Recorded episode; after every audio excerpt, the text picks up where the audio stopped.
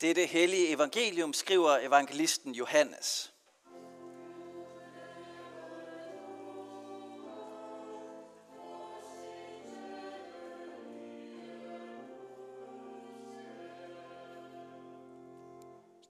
Jesus sagde, når talsmanden kommer, som jeg vil sende til jer fra faderen, sandhedens ånd, som udgår fra faderen, skal han vidne om mig.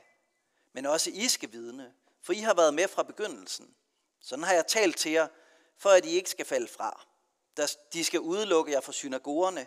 Ja, der kommer en tid, da enhver, som slår ihjel, skal mene, at han derved tjener Gud. Og det skal de gøre, fordi de hverken har kendt faderen eller mig. Men sådan har jeg talt til jer, for at I, når den tid kommer, skal huske på, at jeg har sagt det til jer. Men jeg sagde det ikke til jer fra begyndelsen, fordi jeg var hos jer. Amen. Må Helligånden oplyse sind og hjerte og velsigne ordet for os. Amen. I dag har vi den 6. søndag efter påske. I torsdags var det Kristi Himmelfart, og på næste søndag er det Pinse. Så her i kirken er vi i en tid, hvor vi venter på at skulle fejre, at Helligånden kom til os. Og samtidig så har vi lige hørt i torsdags historien om, at Jesus han tog bort for sidste gang. Og da Jesus han tog bort, der gav han os kirkens mandat.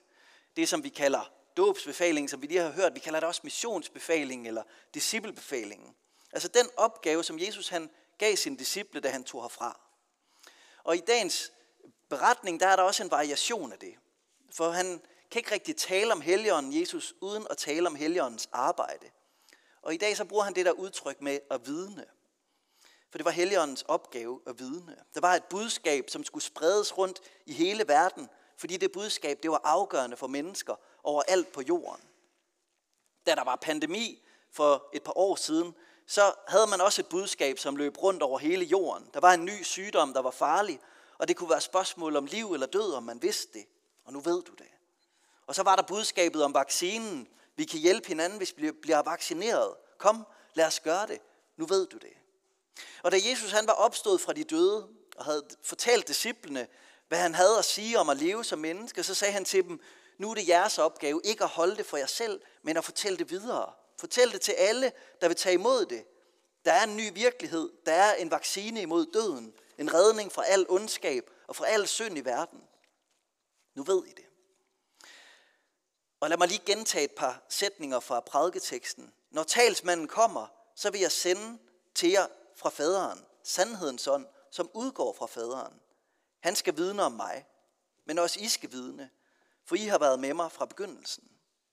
Så Jesus han fortæller om helligånden som den, der skal vidne. Det er ånden, som kommer fra Gud. Han kalder ham sandhedens ånd.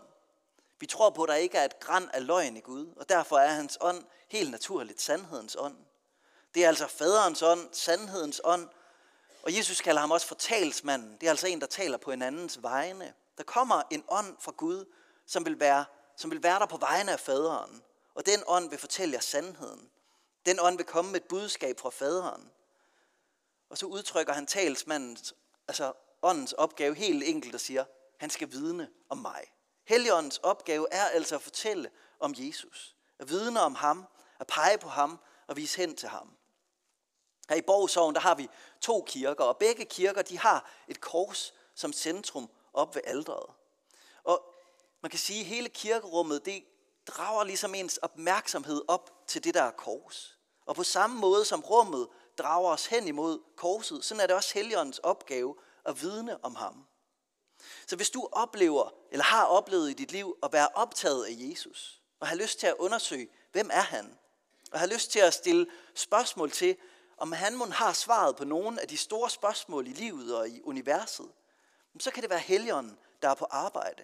For Helligåndens opgave er at vidne om ham. Og den indsigt, den kan også hjælpe os, når vi skal afgøre, om noget det er af Gud, eller om det ikke er. For vi kan jo altid spørge os selv, det som jeg bliver præsenteret for her, minder det mig om faderens ånd? Minder det mig om Kristus?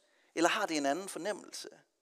Hvis det får mig mere på afstand af Jesus, og den måde, som han undervist på, så er du nok ikke af ånden. På den anden side, hvis det hjælper mig til at være lyttende og nærværende, omsorgsfuld og mild, sådan som Jesus han opmuntrer det, så kan det være, at det, som bedømmes, det faktisk er Helligåndens værk. Og så siger Jesus lige efter, men også I skal vidne, for I har været med mig fra begyndelsen. Så det, som er Helligåndens opgave, det er også disciplenes opgave. De skal vidne om Jesus. Og det gjorde de. Det er derfor, vi kan læse om ham i Bibelen. Det er derfor, vi har kirker spredt ud over hele jorden. Det er derfor, der også er nogen, der kalder sig kristne her i Borgsovn. Og det er jo gerne sådan, at dem, der tror på Jesus, de tror, fordi nogen har fortalt dem om Jesus. Jeg kender en enkelt, der har mødt Gud i en drøm og er blevet kristen på den måde. Man kan sige uformidlet. Men hans rejse, den havde også brug for vidner og følgekammerater, da han først fandt ud af, at Jesus var noget for ham. Jeg kender mange mennesker, som vil kunne pege på nogen og sige, det er på grund af det der menneske, at jeg tror på Gud. Nogen, der siger, det var mine bedsteforældre, der lærte mig at bede fadervor, og deres tro, det blev et vigtigt vidnesbyrd for mig. En af grundene til, at jeg tror på Gud. Jeg kender mennesker, som vil sige, det var min konfirmationspræst, som sagde noget, der gjorde indtryk på mig. Jeg hørte en gammel dame sige i et foredrag, at det, som hun tog med sig fra sin barndom, det var oplevelsen af at blive bordbøn derhjemme. For der oplevede hun, at hendes forældres tro, den skinnede igennem. Det var virkelig meningsfuldt, og hun kunne mærke deres tro. Og jeg kan selv pege på mange mennesker i mit liv, som har vidnet om deres tro på Jesus, som har gjort, at jeg også har fundet vej ind i troens landskab. Jeg kunne nævne mange, jeg vil bare nævne en enkelt i dag, som var min konfirmationspræst. Han fortalte bibelhistorier, og hver gang han gjorde det, så tegnede han sådan et ubehjælpeligt Israels kort, og nogle grimme får. Jeg kan stadigvæk huske, hvordan de så ud. Det var, det var helt vildt grimt, men han fortalte de der bibelhistorier, og så lærte han os salmevers. Og nogle af de vers, dem kan jeg stadigvæk udenad. Jeg nynner stadigvæk på dem. Et af dem, det lyder sådan her. Gå der frit, en hver til sit, og stole på Guds nåde.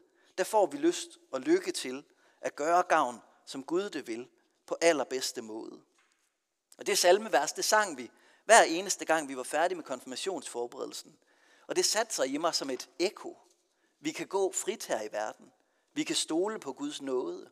Og Gud han har også givet mig en plads i den her verden, så jeg kan få lov til at gøre gavn, ligesom Gud han vil. Alt sammen, det er noget, som er en del af min overbevisning og mit indre landskab. Og jeg giver det som et eksempel på en, der vidnede om sin tro, og dermed gav den videre til en anden. Jeg har talt med et par stykker her i sovnet, som vil sige, altså det der med at missionere, det er ikke noget for mig. Og det kan let være, at det som du mener med at missionere, at det skal du slet ikke. Men at være vidne om det, som Gud har givet os, i stort eller småt, det kan vi alle sammen gøre.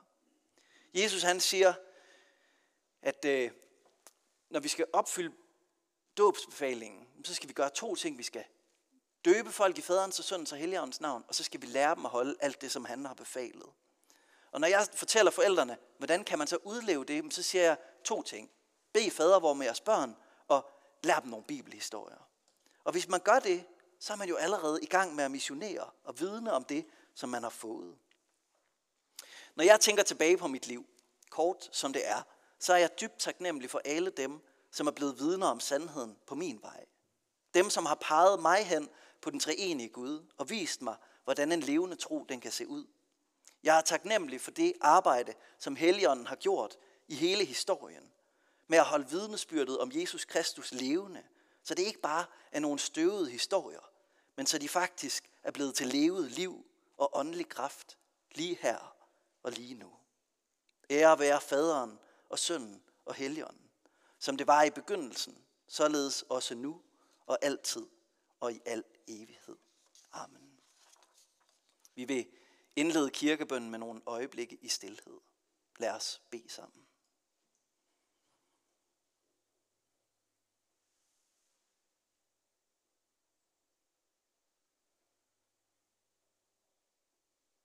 Helligånd, tak fordi du er usynligt og himmelsk til stede her hos os. Du er inde i os og midt i blandt os. I dig er Guds rige.